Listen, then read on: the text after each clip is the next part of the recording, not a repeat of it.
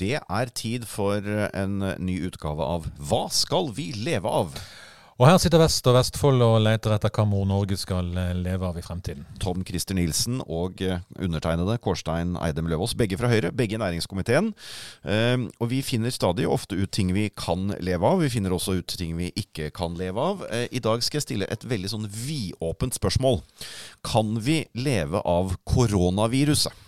Er det ikke mer sannsynlig, er ikke det mer på sin plass å spørre om vi kan dø av det? Jo, men altså, det er jo det alle gjør. Man snakker bare om dødeligheten av eh, koronaviruset hvis det treffer deg. Ja, altså ja. vi kan jo snakke om leveligheten av koronavirus. Den er jo for øyeblikket, tror jeg, på 90 eh, 97% Ja, det er ganske stor sannsynlighet for at eh, det går bra. Vi skal ikke spøke med koronaviruset som sykdom, men det er jo ganske interessant å se at når et virus uh, treffer etter hvert verden, som vi ser at det gjør nå, så skjer det ikke bare det at folk blir syke, men det rykker jo ved hele balansen. Børsene går opp og ned.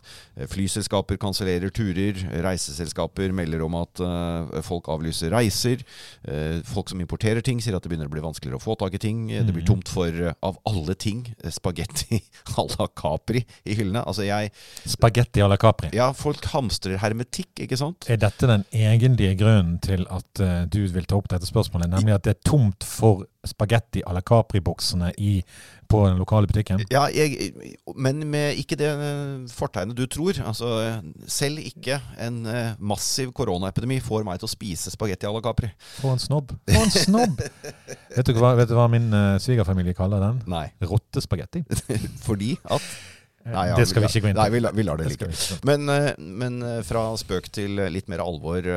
Koronaviruset rokker ved verdensøkonomien og rokker ved en del av de mekanismene vi er vant til å forholde oss til i fred og ro. Men det gir kanskje muligheter også? Ja, altså først og fremst er jo dette en, en stor belastning for de som er, er, får det. Så, så, det skal vi på en måte si uh, først og fremst. Men det som er litt interessant for oss, det er hva, hva skjer egentlig når uh, sånne uh, epidemier kommer? For de har jo Nå er ikke det en pandemi ennå. Jo, det er vel en definisjon på pandemi som er at det skal være smitte i eh, flere verdensdeler. At folk som er fra forskjellige verdensdeler, har smittet i ja, sin verdensdel. Ja, la oss ikke uh, bruke, dvele altfor yes, Det manglet et eller annet kriterium her for noen dager siden, men dette endrer seg fra dag til dag. Det er i alle fall, det, Koronaviruset er godt representert over store deler av verden. Ja, mm. det er rett.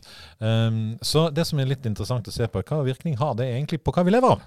Siden det er det vi, det vi snakker om. Mm. Hva skal vi leve av når korona kommer? La oss ta et helt hjemlig eksempel eh, aller først. Eh, veldig mye av eh, den fisken som fiskes langs kysten vår, den er en tur innom Asia før den ofte havner i butikk, for der skal den prosesseres eller fileteres eller bearbeides, eller hva du kaller. Det er vel en ting som er direkte utfordret, er det ikke det? Jo, det kan være utfordret. Nå er ikke det en helt korrekt beskrivelse av virkeligheten, men, men ja, det er en del fisk som går dit. Blant annet hvis du går og finner fram Findus gourmettorsk, så, så, har den vært innom, uh, innom Kina. Mm. Uh, så, så det, det, det, det, er sånn. Men, men er nok, uh, det er nok andre, andre, varekjeder som kanskje blir, blir mer utsatt. Da. Men i prinsippet, ja. Hvis de stenger ned og isolerer i Kina, så er det veldig mye produksjonsvirksomhet som da uh, får problemer med å få tak i sine, sine produkter. Jeg bare besøkte en bedrift i mitt distrikt Vestfold for bare noen få uker siden. Og uh, de importerer en del av de produktene, eller komponentene de trenger, fra Kina. Mm.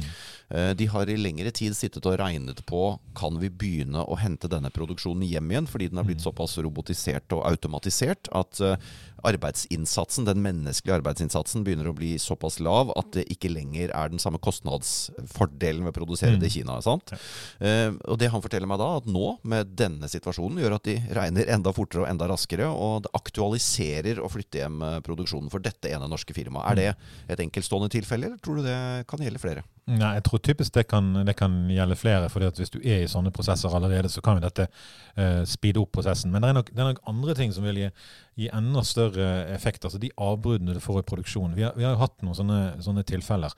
SARS og uh, svineinfluensa og fugleinfluensa. Og hvis en går lenger tilbake, andre, andre mer, uh, enda mer alvorlige uh, tilfeller av epidemier.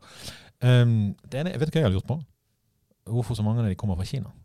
Ja, fordi folk flest bor i Kina, kanskje? Kanskje det. Kanskje fordi folk flest uh, bor i Kina. Det er ikke godt å vite, men uh, det er jo Men er det sånn? Svineinfluensa, fugleinfluensa, sars, korona, ja? At de har ja. sitt utspring i Kina? Og de fleste influensa kommer derifra også. Og, og hvis, til og med hvis du går helt tilbake til Romerriket, ikke de gamle grekere, men nesten de gamle grekere, så var keiser Justinian i Øst-Romerriket i full gang med å gjenerobre hele Vest-Romerriket og gjenopprette Roma som, uh, som, det store riket rundt, uh, rundt Middelhavet. Mm. Uh, og så kom de kinesiske mikroorganismene.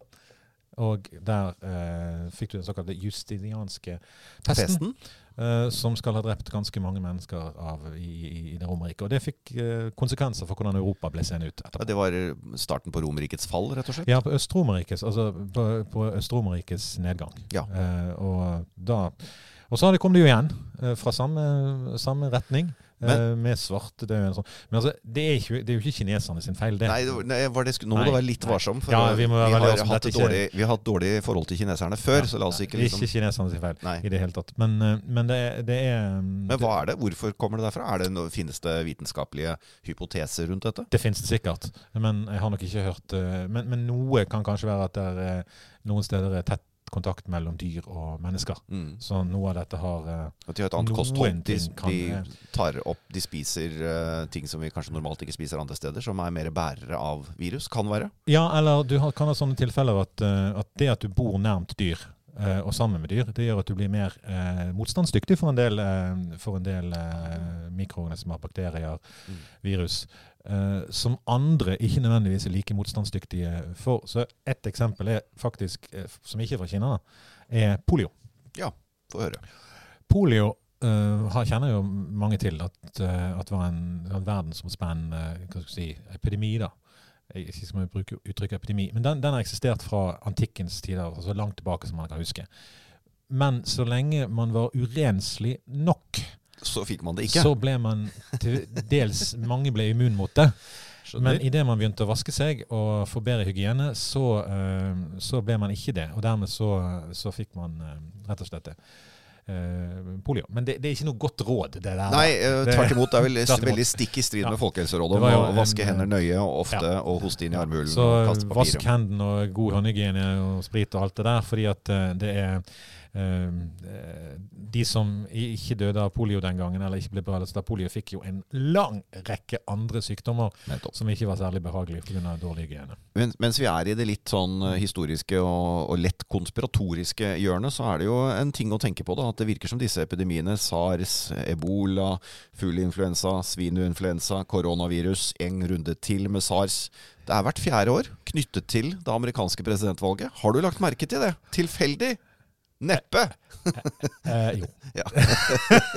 ja, altså, ja, Kårstein, nå også sånn konspirasjonsteoretiker, den, den var bra. Ja, altså, så du mener at det er Trump sin feil, dette òg? Ja, eller er dette en eh, veldig avansert måte hvor russerne blander seg inn, eh, ikke bare teknologisk, men også epidemiologisk? Ja. Altså Hadde det vært en annen type virus sånn på datamaskiner, så tror jeg kanskje jeg hadde, det hadde vært mer tilbøyelig til å tro deg. Ja. Men du skal jo aldri si aldri. Men akkurat når det gjelder økonomisk virkning av sånne ting, mm -hmm. så er det eh, gjort litt arbeid på det. Eh, Bl.a. på sars og eh, influensa og sånn. Og Da skal vi først snakke litt om det, og så skal vi gjøre et skikkelig kaldt og ekkelt regnestykke. Ja, etterpå. ja få høre. Um, for det første så, så har det kan det ha stor økonomisk betydning. Og det har det jo. Vi ser jo at børsene i mange land eh, faller. Eh, børsen er jo på mange måter Trump-kortet til eh, Donald Trump. Han mener jo at hvis Trump, børsen Trump. Ja, Trump, Trump. Det lå noe der, men jeg lot det ligge. Mm. det gjorde ikke. Nei, jeg hørte det. Men Og det er jo sannsynligvis hans største skrekk, er jo at børsene skal fortsette å falle frem mot mm. presidentvalget. Mm. Det er det. Og sånne, sånne epidemier har hatt en tendens til å, til å gjøre ting. Vi, jeg tror vi tror de regner på bare i USA at en influensaepidemi kan ha en virkning på over eh, 73 eh, milliarder dollar mm. eh, i, i, virkning på økonomien. Eh, og de, regnet, de har også lagd noen scenarioer for SARS og gjort noen etterregninger på det. og det Sannsynligvis lå f.eks. fugleinfluensavirkningen på oppimot eh, 180 milliarder kroner i verdensøkonomien. Og anslagene svinger jo, men, mm. Eh, men eh, det er ganske betydelige, betydelige, ting. Men ikke katastrofalt. Men la oss gå litt, dykke litt dypere inn i, i disse kalde regnestykkene. Du skal mm. få lov å, å, sette opp regnestykket etterpå. Men for Norge, da, for norsk økonomi, mm.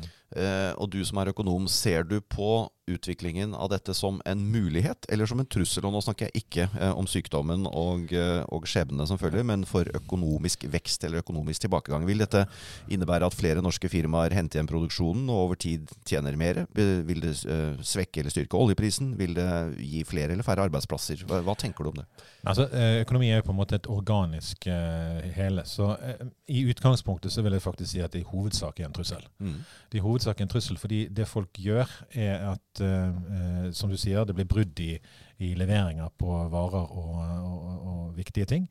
Eh, men samtidig så utsetter også folk gjerne ting de hadde tenkt å kjøpe, for de blir usikre. Mm. Det skaper en større usikkerhet i økonomien. Derfor så reduserer du forbruk. Ja, eller endrer forbruk. Istedenfor å ta turen til Italia til sommeren, så tar man turen til Geiranger eller Nord-Norge. Og så blir pengene i Norge, og så blir det vekst i ja. turistnæringen. Ja. Det kan, det, kan du, det, kan du, det kan, tenkes at det mm. blir sånne lokale, lokale, utslag. Men i all hovedsak så blir folk mer nervøse. Når folk blir mer nervøse, så bruker de mindre penger. Det betyr mindre økonomisk vekst og mindre økonomisk eh, aktivitet. Uh, og da sannsynligvis så koster det oss, uh, koster det oss noe. For, for, firmaer som jobber med ting som er direkte relatert, altså hvis du nå produserer ansiktsmasker eller er, i, har en forsker som er rett ved å finne vaksinen, det må det jo bety enorme muligheter? Ja, og det, det er sånn, ingen, ingen, ingen, uh, ingen, solnedgang på denne siden uten at går solen går opp på en annen side. Altså det, sånn, er, sånn, er, det. Eh, størrelsesorden er nok sånn at det er større tap enn det er gevinst i de fleste sånne tilfeller. Så, så, så er det det. Men, uh, men klart, noen, noen tjener på dette også. Hvis et firma nå kommer ut fra laboratoriet sitt om en uke eller syv og sier at her, her er vaksinen, og samtidig så har du etter hvert kanskje millioner av mennesker over kloden som er eh, smittet, og det viser seg å være en trussel. Er det da ren cash inn til firmaet, eller blir det en sånn etisk uh, sak at uh, hm, nå er det såpass mange som er syke at dette må vi vel faktisk bare tilby gratis? Ja, det, det, er, en, det er, et uh, utrolig godt spørsmål. For i utgangspunktet så er det jo faktisk det firmaet som kommer opp med det, vil jo da ha patenten. Og, ha patenten og ja. kunne på en måte eh, sette prisen. inn, ja. Mm. Eh, så, så, er jo, så, er det jo, sånn at eh, det er jo noen reguleringer i, i noen land da, på, på, dette, og vi har gjort det på andre måter andre ganger.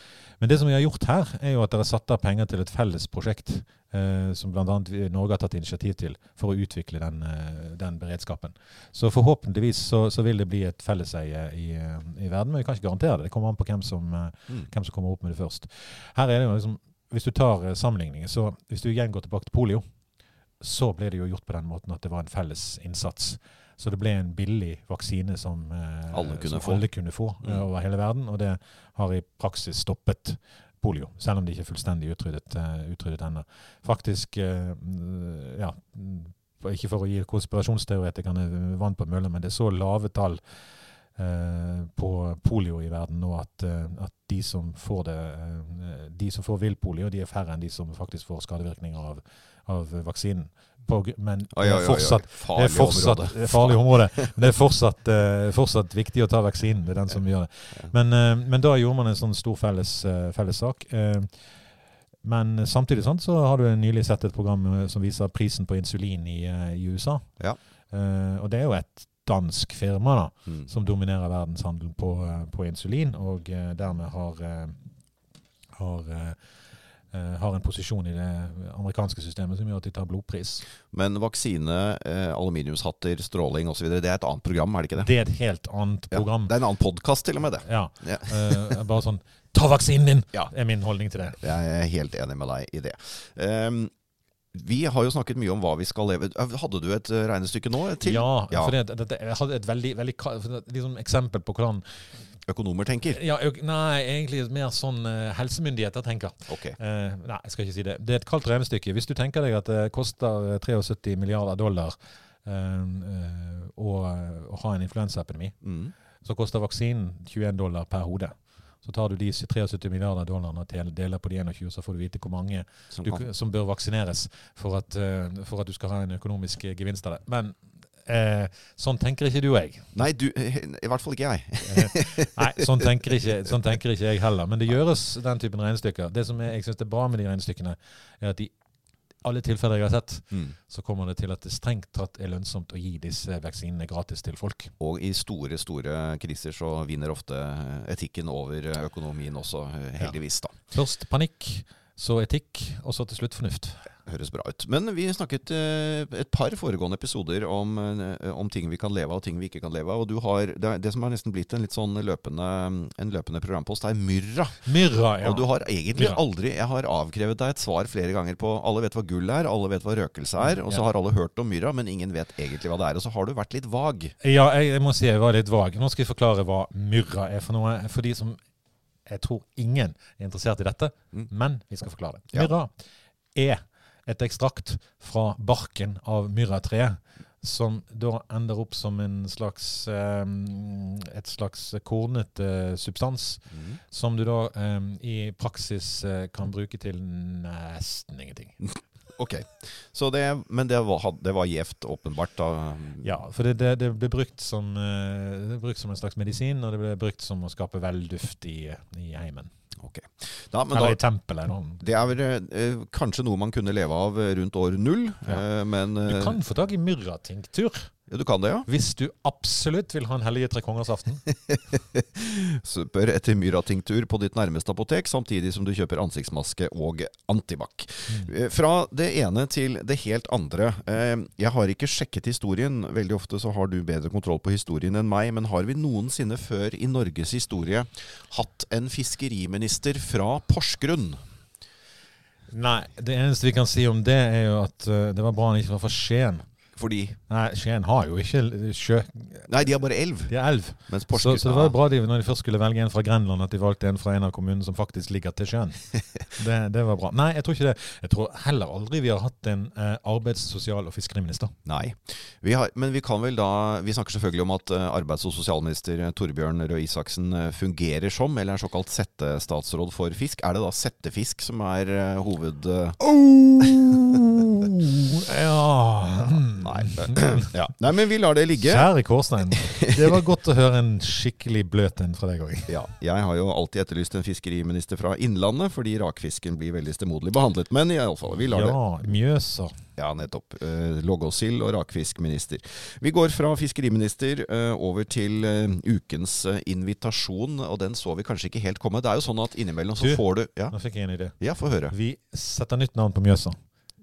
Vi kaller det for Innlandshavet. Innhavet. Innhavet. Ja, ja, hvorfor ikke? Gjerne for meg. Da Ja, da kan du få en fiskeriminister fra Innlandet. Ja, det, ser vi frem til. Olemic Thommessen, ny fiskeriminister. Det er en eh, god plan. Oi, oi. Jo da, det går så fint at det. Fisk er kultur. Ja. Eh, du vet at innimellom så får man en invitasjon i posten eller på Facebook eller på e-post, og så snakker du med partneren din, og så sier du ja, her har vi invitert denne festen. Har vi egentlig lyst til å gå på denne festen, men vi er nå invitert. Og vi har fått en sånn invitasjon. Ja, vi har det. Eh, Eller vi har fått en nesten invitasjon. Det er litt sånn, det er litt sånn, det er sånn, du får den, det er litt sånn av og til når eh, man inviterer i barnehagen, og, og, og, og du får en invitasjon der du liksom får følelsen av at ja, vi har invitert alle, men dere behøver ikke komme. Vi snakker selvfølgelig om en uh, utstrakt hånd, uh, vil vi kanskje kunne kalle det, fra MDGs hva er det denne uken? Er det talsperson? Er det leder? De har, men i alle fall hun, hun som på en måte er sjefen i MDG. Une Aina. Bastholm, som har sagt at vi kan godt eh, tenke oss å samarbeide med eh, Høyre i en eh, regjering. Og som Høyre-mann da, så må man altså, vi må jo forholde oss til dette. Ja, og vi er jo grunnleggende positive til samarbeid. Vi, vi, vi samarbeider med alt og alle hvis vi får sjansen. Ja, altså eh, Poenget for å prøve å beskrive det rent politisk er at eh, hennes analyse er at nå når Fremskrittspartiet ikke er en del av regjeringssamarbeidet, så er det mulig å komme lenger, sett med MDGs øyne, i forhandlinger med den sittende regjeringen om miljø- og klimapolitikken. Eh, Og hun ser også at på den andre siden, den rød-grønne siden, så må de eventuelt forholde seg til et omtrent like stålgrått Senterparti. Og det er mer sannsynlig, sånn hun vurderer det, at en regjering på den rød-grønne siden vil inkludere Senterpartiet, enn at en regjering på den blå siden av streken vil inkludere Frp. Altså er det mulig å få mer gjennomslag. Ga det mening? Klarte jeg å En forklare gang det? til. Nei, nei. nei hun, hun, Nei, du, du, skal slippe å ta den en gang til. Ja. Nei, altså um, jeg, jeg vil vel kanskje si at hun er ikke helt på villspor, sier du til meg. Eh, Men jeg tror, jeg tror eh, Jeg tror hennes utfordring eh, ligger litt i at eh, det faktisk ikke er noe eh, flertall for noen god klimapolitikk på venstresiden i norsk politikk. Hvis du inkluderer Senterpartiet. Nettopp. Eh, og det er vel det hun sier også. Så da kan hun si at hvis det blir en regjering på den blå siden av streken uten Fremskrittspartiet, så har vi større sjanse for å påvirke miljø- og klimapolitikken. Ja, for Når du ser på Senterpartiets alternative statsbudsjett, mm. så er jo det kanskje det beste forslaget på hvordan man skal øke klimautslippene i Norge. Eh, som er levert på Stortinget de siste fem-seks årene. Så sett at MDG finner ut at de har mer å hente eh, på vår side av streken. Eh, hvordan vil vi i Høyre forholde oss til et samarbeid med Miljøpartiet De Grønne? Vil vi kunne tenke oss å sitte i regjering med dem? Kan vi tenke oss å samarbeide fra sak til sak? Kan man ha et formalisert samarbeid? I dag, ja. Senest i dag, da, eller i går eller her forleden, så var de ute og sa at vi vil forby reklame for reiser. For det er jo det er ikke så veldig god høyrepolitikk. Ja, nei, men da har jeg et spørsmål til deg, Kårstein. Ja. kunne du tenkt deg et ekteskap der, du, der din kone forbød deg å spise kjøtt? nei, jeg kunne ikke det. Men jeg kunne sikkert ha samarbeidet på enkeltområder. Det tror jeg nok. Der er, uh, der er faktisk en, sånn, en, del overraskende områder hvor uh, MDG og Høyre faktisk er nærmere hverandre enn mange andre i norsk politikk. En av de er på den helt grunnleggende positive holdningen til internasjonalt samarbeid Europa og finne internasjonale løsninger eh, klima, og, og, eh, klimautfordring, på klimautfordringene. Og på den liksom, forståelsen av at vi må finne internasjonale løsninger på det. Uten det går det ikke. Og Der, der, der tror nok vi er nærmere enn mange andre. Og øh, Høyre er jo innforstått med, som alle andre også, at Norge er et bitte lite land med få innbyggere. Ja, vi skal gjøre alt vi kan, men som du er inne på, det er ingenting vi gjør som vil redde verden alene. Vi er nødt til å gjøre det sammen med, eller finne løsninger som også andre land kan øh, kopiere eller gjøre sammen med oss. Og, og der er vi faktisk uh, på mer på linje med Miljøpartiet enn f.eks. Uh, for, ikke, ja, for, for, å si det forsiktig, enn Senterpartiet. ja, og f.eks. Det kommer veldig tydelig fram i debatten om ACER. Mm. Altså dette, denne internasjonale samarbeidet for, ut, for, å ha kjøreregler i Europa på utveksling av strøm, mm. som gjør at du i praksis da får ned eh, totale utslipp av, av, CO2 i strømproduksjon. Og det der sto vi sammen. Og Det samme med North Connect også, hvor til og med Arbeiderpartiet beveger seg vekk fra å tenke internasjonale løsninger. De sier at ja, det er en kjempegod klimaløsning, men eh, vi er ikke for den. Ja, de sier vel strengt at ja, det er en kjempegod klimaløsning. Ja, vi tjener på det. Men vi måtte fordi det ikke det er litt statlig. Det er litt upopulært akkurat. Ikke statlig. Ja, ikke er det statlig heller. Vi skal uh, avslutningsvis i uh, denne utgaven av Hva skal vi leve av uh, gi deg ordet, Tom Christer. vanligvis så pleier du å ha en sånn litt sånn ironisk eller litt sånn skarp Skal vi med et norsk ord kalle det en harang? En rant. En harang? harang. Har du ikke hørt harang før? Jo, men vi kaller det for harang. Harang, ja. ja, ok. Ja, beklager uh, manglende skarring og feil trykk, men harang sier vi der jeg kommer fra. Ja, det fungerer like bra, det. ja, du forsto hva jeg mente. I dag så har jeg forstått at uh, du er mer over i kategorien eventyr. Nå blir det eventyrstund her. Jeg skal fortelle et eventyr. Det var en gang heroin ikke var avhengighetsskapende. Talidomid ikke var farlig å ta under graviditet. Tobakk ikke var kreftfremkallende. Asbest var ufarlig. Vaksiner var unødvendige. Selen aldri kunne fiskes opp. DDT var harmløst. KFK ikke laget hull i ozonlaget. Og kvinner og svarte ikke var gode nok til å stemme. Det var en gang at Titanic ikke kunne synke. Og det var en gang at klimaet ikke ble endret av menneskeskapte utslipp. Men snipp, snapp, snute, nå er eventyret ute. Og det er på tide å slutte å fortelle eventyr på Facebook og konsentrere oss om hva vi kan få gjort med det. Og med det så sier Tom Christer Nilsen og Kårstein Eidem Løvaas eh, takk for i dag, og takk for denne utgaven av Hva skal vi leve av? Og så jakter vi videre om eh, bare noen få dager.